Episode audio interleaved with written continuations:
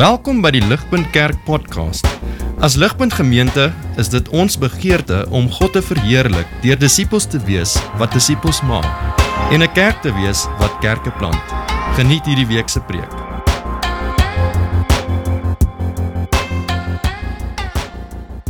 Julle so um ek wil met julle 'n storie deel.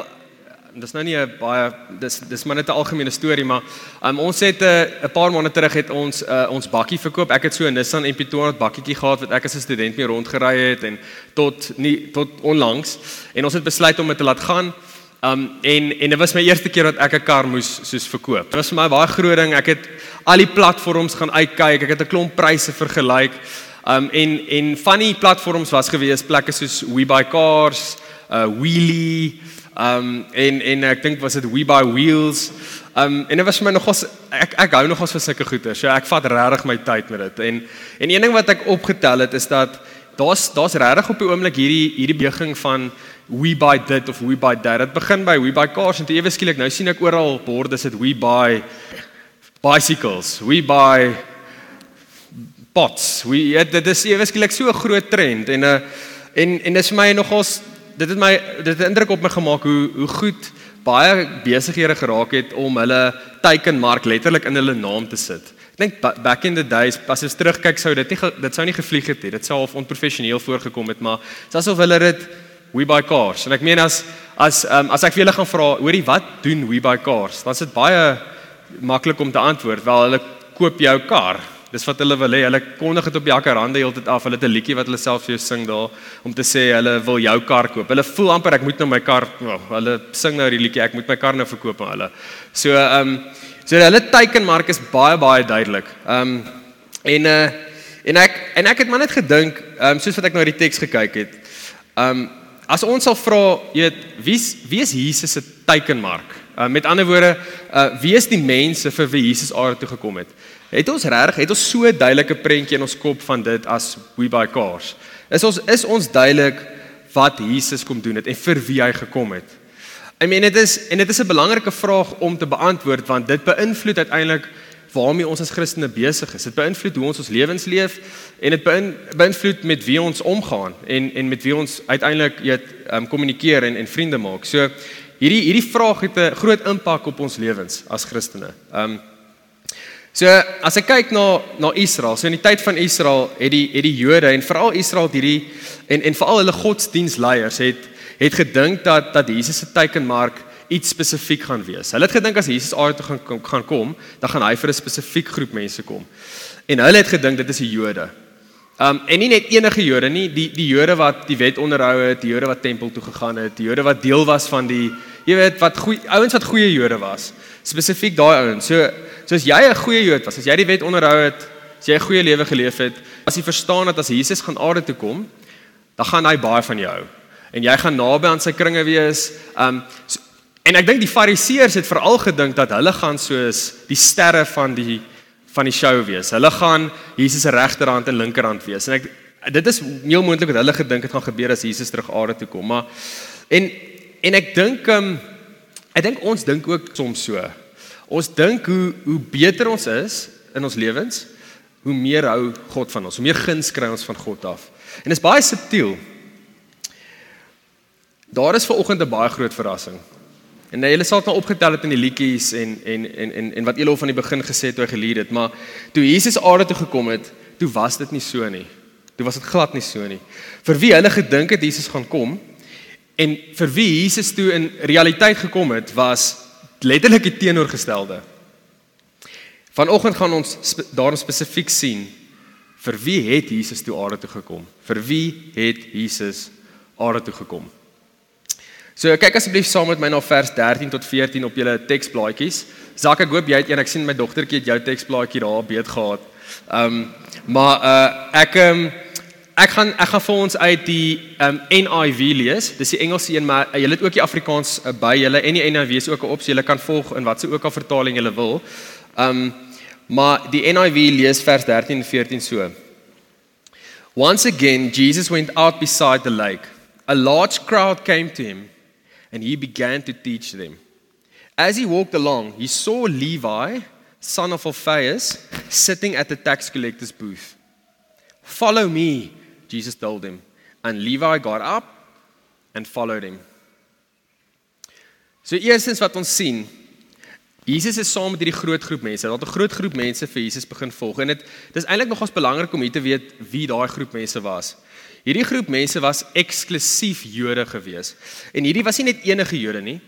Hierdie was Jode wat wat geaanvaar was deur die algemene Joodse gemeenskap. Hierdie was Jode wat weet wat probeer het om die wet te onderhou, wat die tempelgoeders gedoen het. Hierdie was gesien as jou algemene goeie Jode. Byvoorbeeld jy sou nie hierso gehad het ouens soos tollenaars nie. Jy sou nie hier gehad het prostituie nie. Jy sou nie ehm um, melaatses in hierdie groep gehad het nie. Want uh, want hierdie groep mense en nog ander was was heeltemal verwerp deur die Joodse gemeenskap gewees. Um en en hierdie mense sou hulle self gesien het ook as nie goed genoeg vir vir jy weet die godsdienstige dinge van van Israel en en in daai praktyk nie.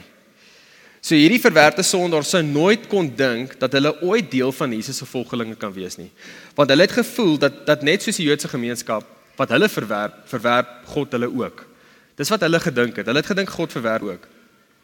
Daarom toe Jesus verby Levi hierdie tollenaar loop, was dit regtig skokkend toe Jesus hom roep om hom te volg. En en net om te verduidelik, tollenaars Want as ek dink aan 'n tollenaar, tollenaar dink ek ag ja, hulle was bad, maar hulle was nie so sleg nie. Tollenaars was deur die Joodse gemeenskap as totaal en al verval en korrup beskou. En ek wil hierdie woord gebruik. Dit dis 'n kragtige woord, maar maar die Joodse gemeenskap het die tollenaars regtig gehaat. Hulle het hulle gehaat. En daar's drie redes hiervoor.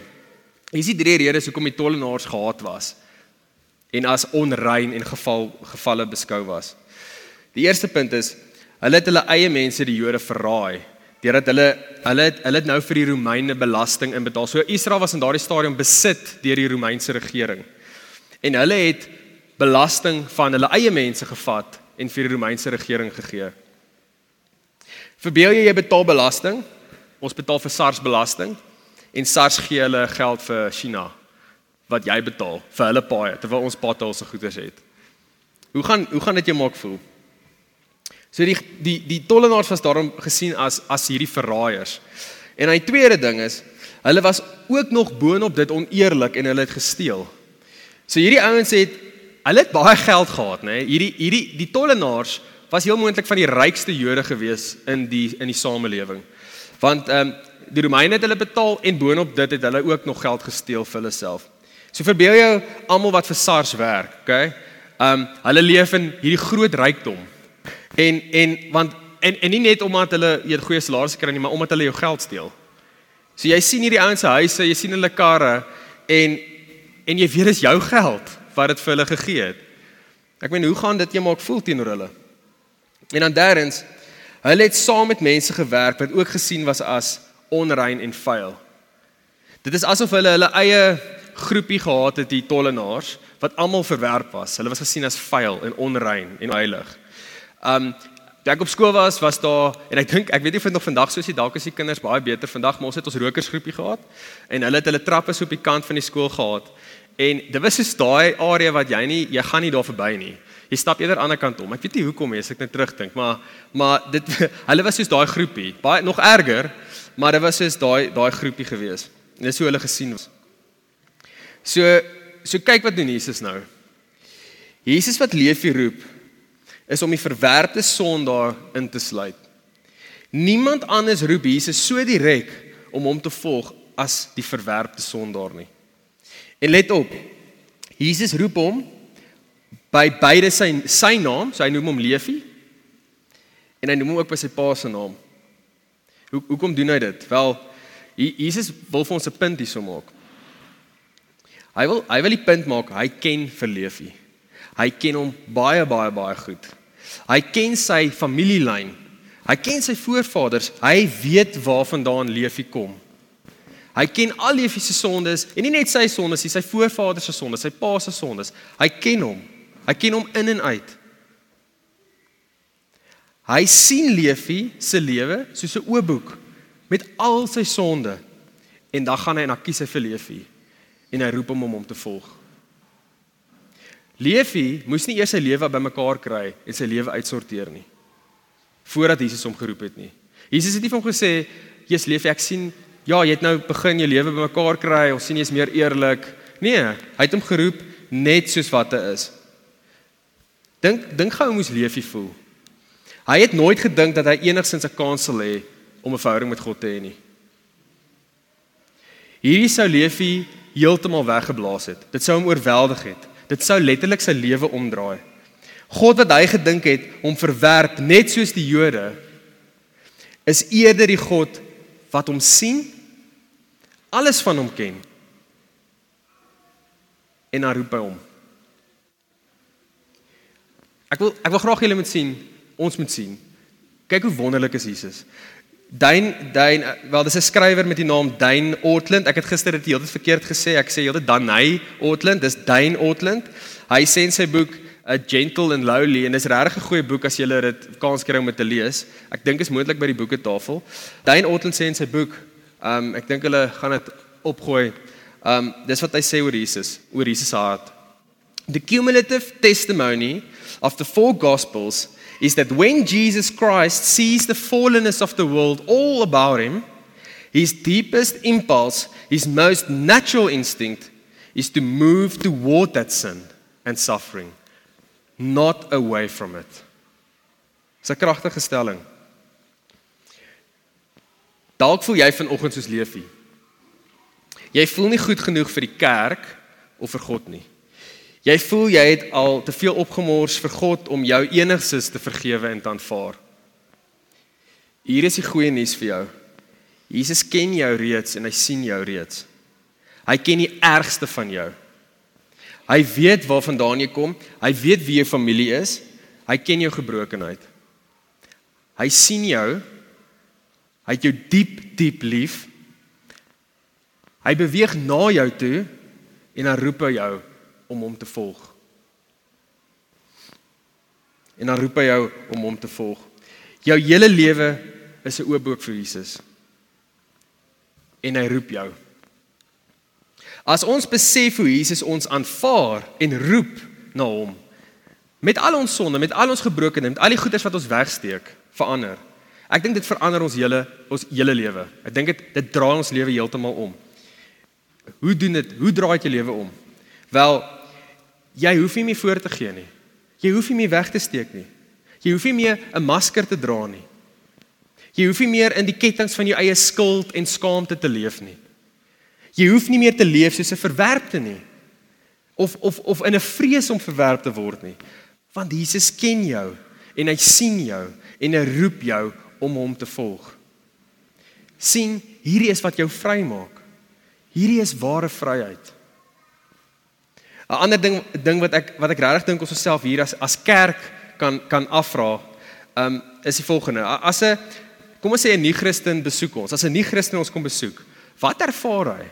Wat ervaar hy as hy so tussen ons hier so rond beweeg? Ervaar hy dieselfde as Leefie? As hy inkom voel en beleef hy 'n gemeenskap wat te goed is vir hom en te uitgesorteer is vir hom? Voel hy verwerp dalk? En en en voel hy pas nie in nie? Want want vriende, as dit waar is van ons, dan is ons die Joodse gehoor.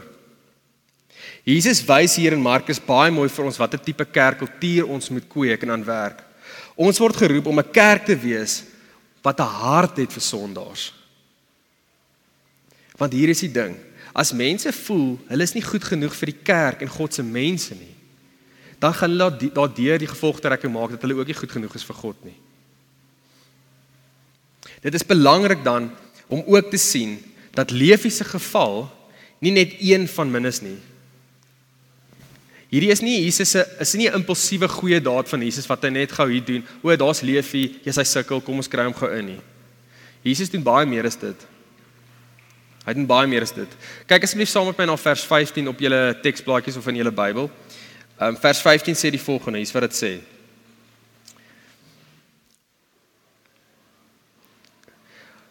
While Jesus was having dinner at Levi's house, many tax collectors and sinners were eating with him and his disciples.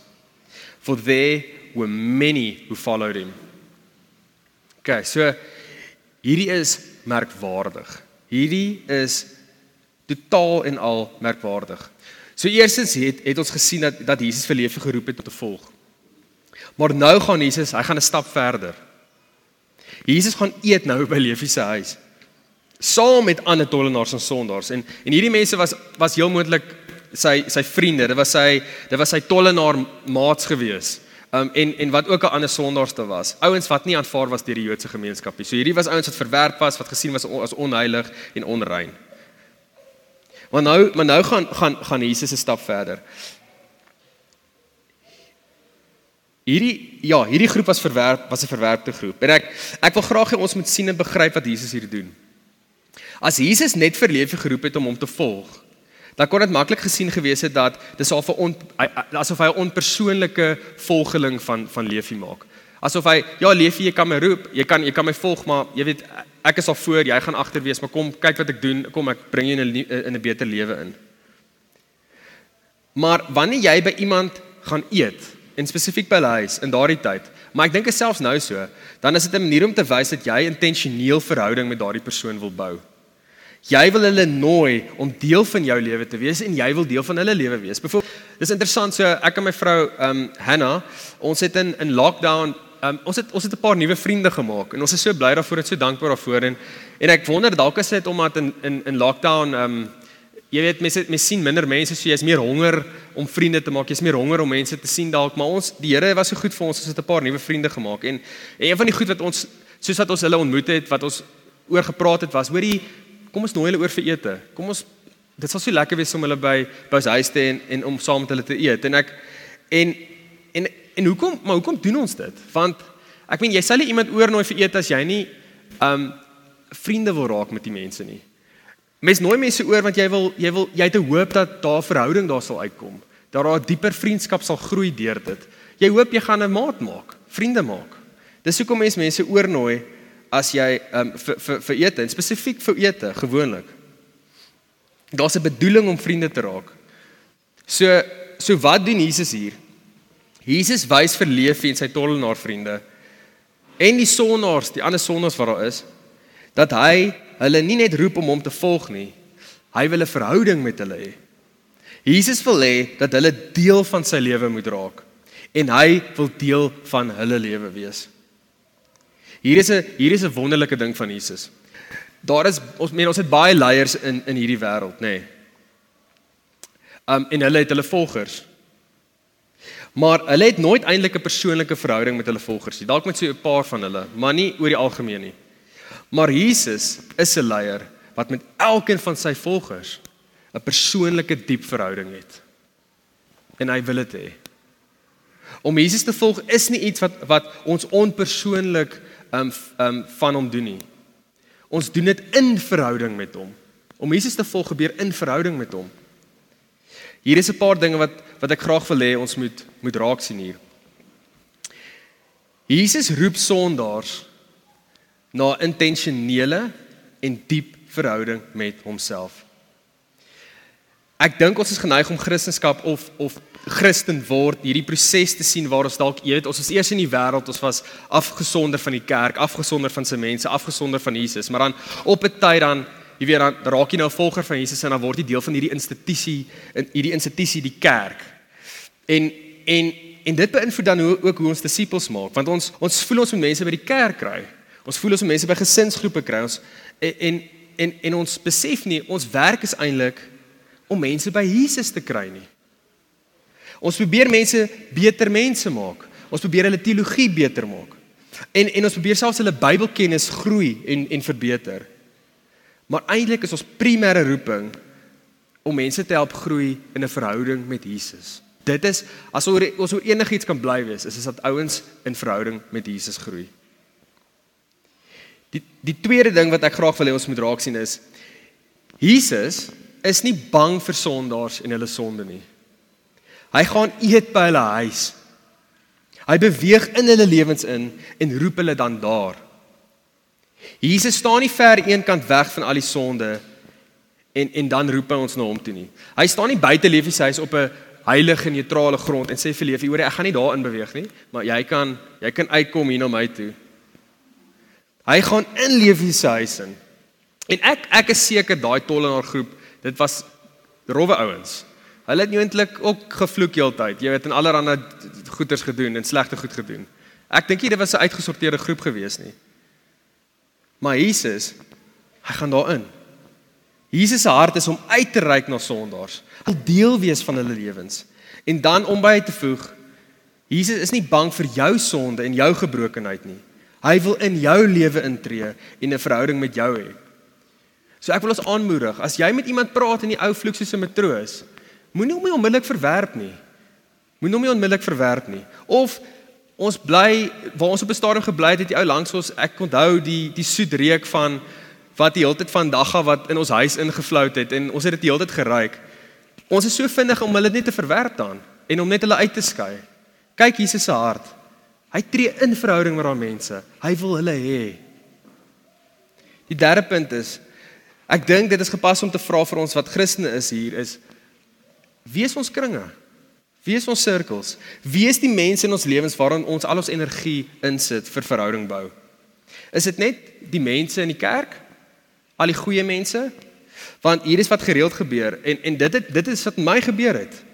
Ons kom tot bekering en dan met tyd en jare raak ons sirkels meer en meer die kerk en sy mense. Tot op 'n punt dan dan is ons in hierdie kerkbabbel. Ons is heeltemal sonde van die wêreld. En en van sondaars en en En dan en is asof ons nie meer kan ons weet nie meer om te engage met die wêreld nie. Want ons is ons is in hierdie hierdie bubble. Want Jesus het homself homself verseker nie afgesonder van die sondige wêreld en sondaars nie. Hy het dit geïnfiltreer. Hy het in dit ingegaan. Vriende, ons as Christene word geroep om dieselfde te doen. En ek verstaan die vrees wat ons het. Ek verstaan dit. Ons was dan gered van sonde. Ons was gered van die wêreld waarin ons geleef het voorheen. En toe word ons dan nou Christene. So en en en slyp eyster dan nie eyster nie. So hoe kan ek myself dan omring met sondaars?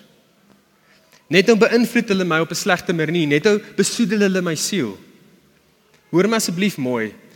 Jou primêre gemeenskap bly die kerk. Die kerk is jou ondersteuning. Dit is die mense wat jou sluit. Dit is vanuit hierdie gemeenskap waar jy waar jy disippels maak en uitreik na die wêreld om jou. Jesus het verseker nie sy heiligheid minder gemaak nie. Soos wat hy met sondaars verhouding gebou het, het hy perfek heilig en sondeloos gebly. Maar hy het die sondaars geroep na homself, na sondelose lewe, na heilige lewe. Vanuit dit. Vriende, hoor my ook asseblief baie mooi reg. Um, moet dit asseblief nie sien, dit is nie 'n werksding nie. Hierdie is 'n hartsding. Hierdie is 'n hartsding. Hoe sien jy jouself as Christen? sien jy jouself as beter, meer moreel, iemand wat dinge bymekaar het of sien jy jouself as 'n sondaar wat uit genade alleen gered is deur Jesus? Wat geensins beter is as 'n nie-Christen nie. Om nie-Christen te bereik is nie 'n werksding nie. Dit is 'n hartsding waar ons nederig bly omdat ons verstaan ons is slegs uit genade gered van ons sonde. En dit help ons dan om konstant intentioneel te wees met die mense in ons lewens. Jesus sal altyd mense oor ons pad stuur. Inteendeel, hy het ons geplaas waar ons is in ons lewens tussen sekere mense. Ons word geroep om intentioneel te wees met almal uit 'n nederige plek waar ons besef ons is uit genade alleen gered. So hoekom? Hoekom is Jesus so intentioneel en betrokke met sondaars? Hoekom? Hoekom roep hy die sondaars om hom te volg en eet hy saam met hulle? Kyk asseblief saam met my na vers 16 tot 20.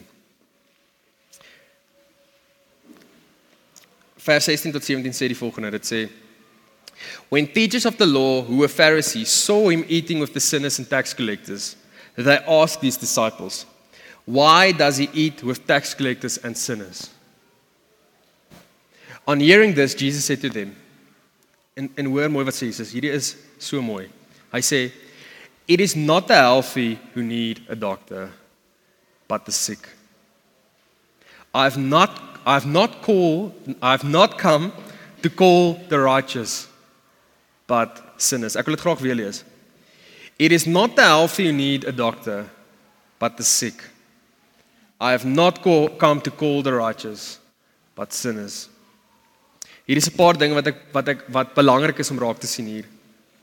Terwyl Jesus besig is om saam met sy disippels by Lewi se huis te eet, dan sien ons hoe verskyn die Fariseërs op die toneel.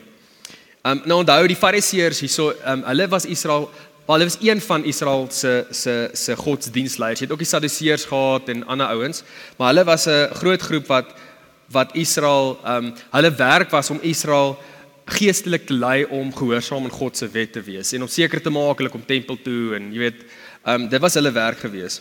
Hulle moes die wet ophou. En dit het veroorsaak dat die wetteloos is. Heeltemal verwerp was en uitgeskuif was deur die Fariseërs self ook.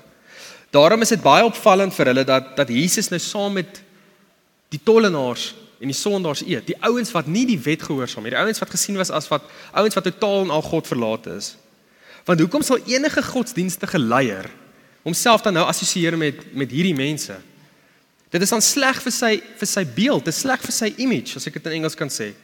En dan interessant, hulle vra dan nie vir Jesus nie, hulle vra sy disippels hoekom Jesus saam met die tollenaars en sondaars eet.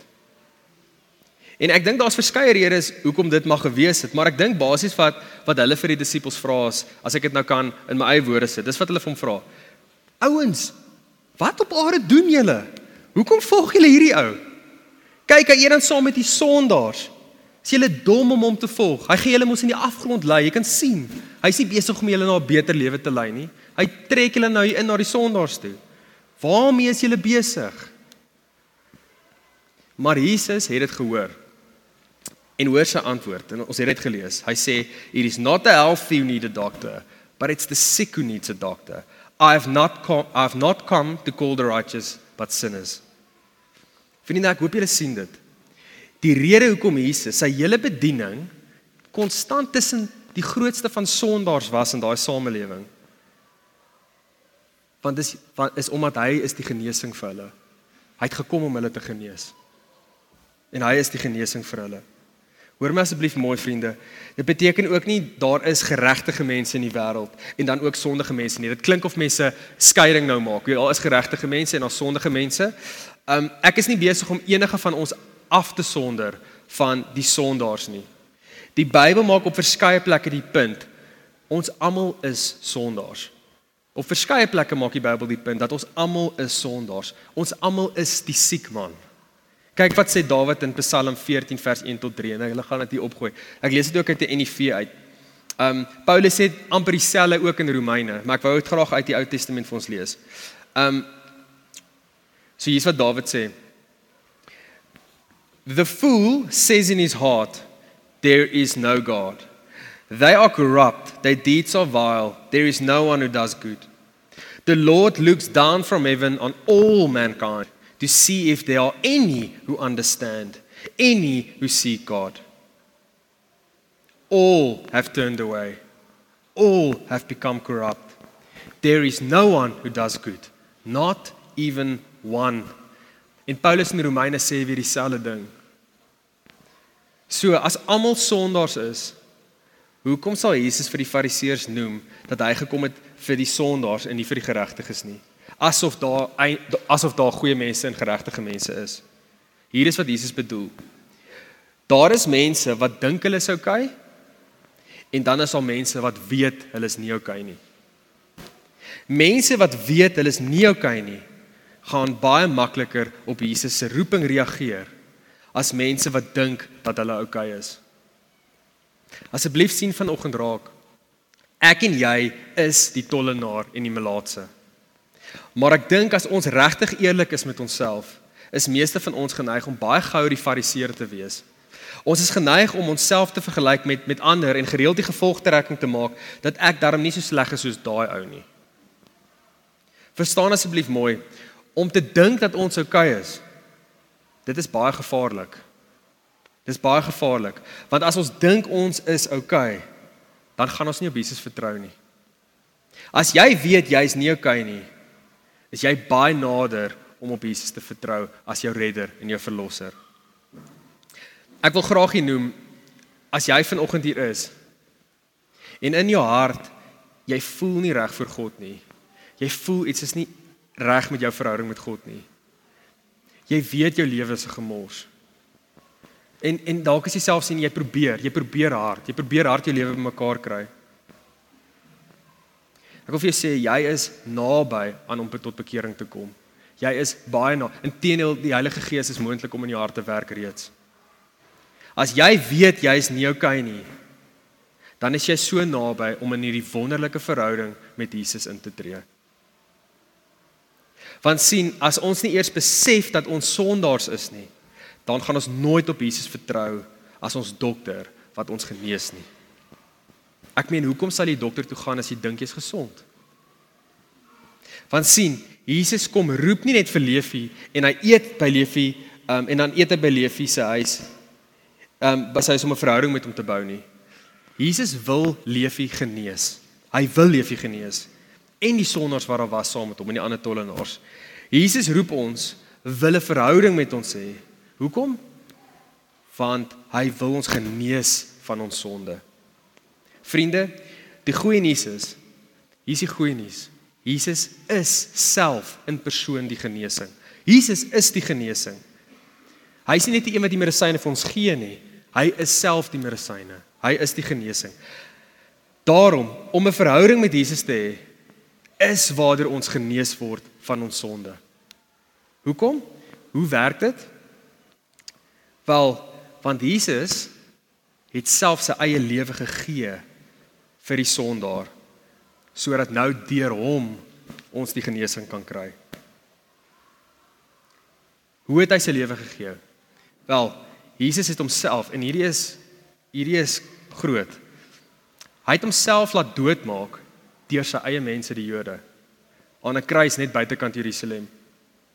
Aan die kruis het Jesus letterlik, soos wat hy gehang het, die sonde van die hele wêreld op homself geneem en hy het dit en hy het dit gewen. Hy het dit oorwin. Hy het aan die kruis letterlik die volgende woorde gesê: It is finished. Dis wat hy gesê het. It is finished. Hy het nie gesê dis nog 'n trial uh inenting nie. Hy het gesê hier is ek. Ek is nou die genesing. It is finished. sien Jesus is nie iemand wat net goeie dade vir slegte mense kom doen dit nie. Hy is nie hierdie wonderlike ou wat saam met die sondaars geëet het en hulle geroep het om hom te volg nie. Jesus gee sy lewe vir die sondaar sodat ons nou deur Jesus gered en genees kan word van sonde. So vriende, ek wil hier baie graag vra. Het jy 'n persoonlike verhouding met Jesus? Het jy 'n persoonlike verhouding met Jesus? Ken jy hom? As asseblief sien die volgende. Om gee om goeie teologiese kennis te hê, gaan jou nie genees nie. Om 'n om 'n goeie persoon te wees, gaan jou nie genees nie. Om om gereeld te bid selfs en en jou Bybel gereeld te lees en om gereeld kerk toe te gaan, 'n gesinsgroep toe te gaan, dit dit is nie die goed wat jou gaan genees nie. Maar om 'n intentionele verhouding met Jesus te hê, dit is wat jou gaan genees. Want Jesus in persoon is die genesing.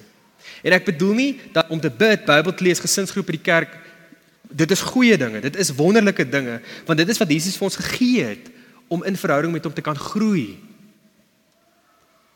Maar hierdie dinge word gou godsdienstdinge in plaas van dinge wat gesentreerd is om 'n persoonlike verhouding met Jesus. Ons kan baie maklik met kerkdinge besig wees en selfs al die regte dinge sê. Ek kan hier staan en preek en en my verhouding met Jesus is nie lekker nie. Ons kan vinnig afsonderlik van Jesus leef met al die regte goed besig wees. Ek wil vanoggend graag afsluit met die volgende vraag. Christen, besef jy is 'n sondaar gered uit genade deur Jesus. Jy is nie beter as enige iemand nie. Dit is uit hierdie nederige plek waar ons lewe doen in 'n gebroke en gefalle wêreld. Waar ons geroep word om intentioneel te wees om die evangelie te verkondig en te versprei met alle mense. As jy vanoggend, as jy vanoggend hier is en, en jy assosieer jouself regtig sterk met Leefie, wil ek baie graag hê jy moet sien en verstaan Jesus het juis gekom vir jou. Jy hoef niks aan hom te bewys of iets te aan enige iemand te bewys sodat hy jou kan aanvaar nie. Hy roep jou vanoggend om hom te volg en 'n verhouding met hom te hê. Want hy wil jou genees en hy wil jou lewe totaal en al omdraai. Vriende, kom ons bid saam. Vader, dankie vir Markus 2 vers 13 tot 17. Here, dankie dat U U so goed, Here. U so goed vir ons, Here. Dankie dat U gekom het vir die sondaar. Dankie dat ons kan kan oorgee, Here, wetende dat niks wat ons kan doen kan ons genees nie. Maar 'n verhouding met Jesus is wat ons genees. Here, help ons om in hierdie verhouding in te tree. Help ons om um soos wat U ons roep om U te volg, dat ons sal hoor en luister, Here. Want as ons harte dalk, Here, voel ons het 'n morele hoë grond, Here, ons voel beter baie subtiel, Here, wil ek vra dat U ons harte se help om te verstaan dat ons uit genade alleen gered is van ons sonde en niks wat ons gedoen het maak ons beter nie. Dis net U genade, Here. Here, help ons asseblief om uit te reik na na nuwe mense, na nie Christene. Here, help ons om in die wêreld in te gaan met hierdie goeie nuus van die evangelie, Here, van Jesus, Here. U is goed vir ons, Here. En dankie dat U in Markus 2 vers 13 tot 17 vir ons wys hoe goed U werklik is. Bid dit in Jesus se naam. Amen. Vir meer inligting oor Ligpunt Kerk, besoek gerus ons webwerf op www.ligpunt.com of kontak ons gerus by info@ligpunt.com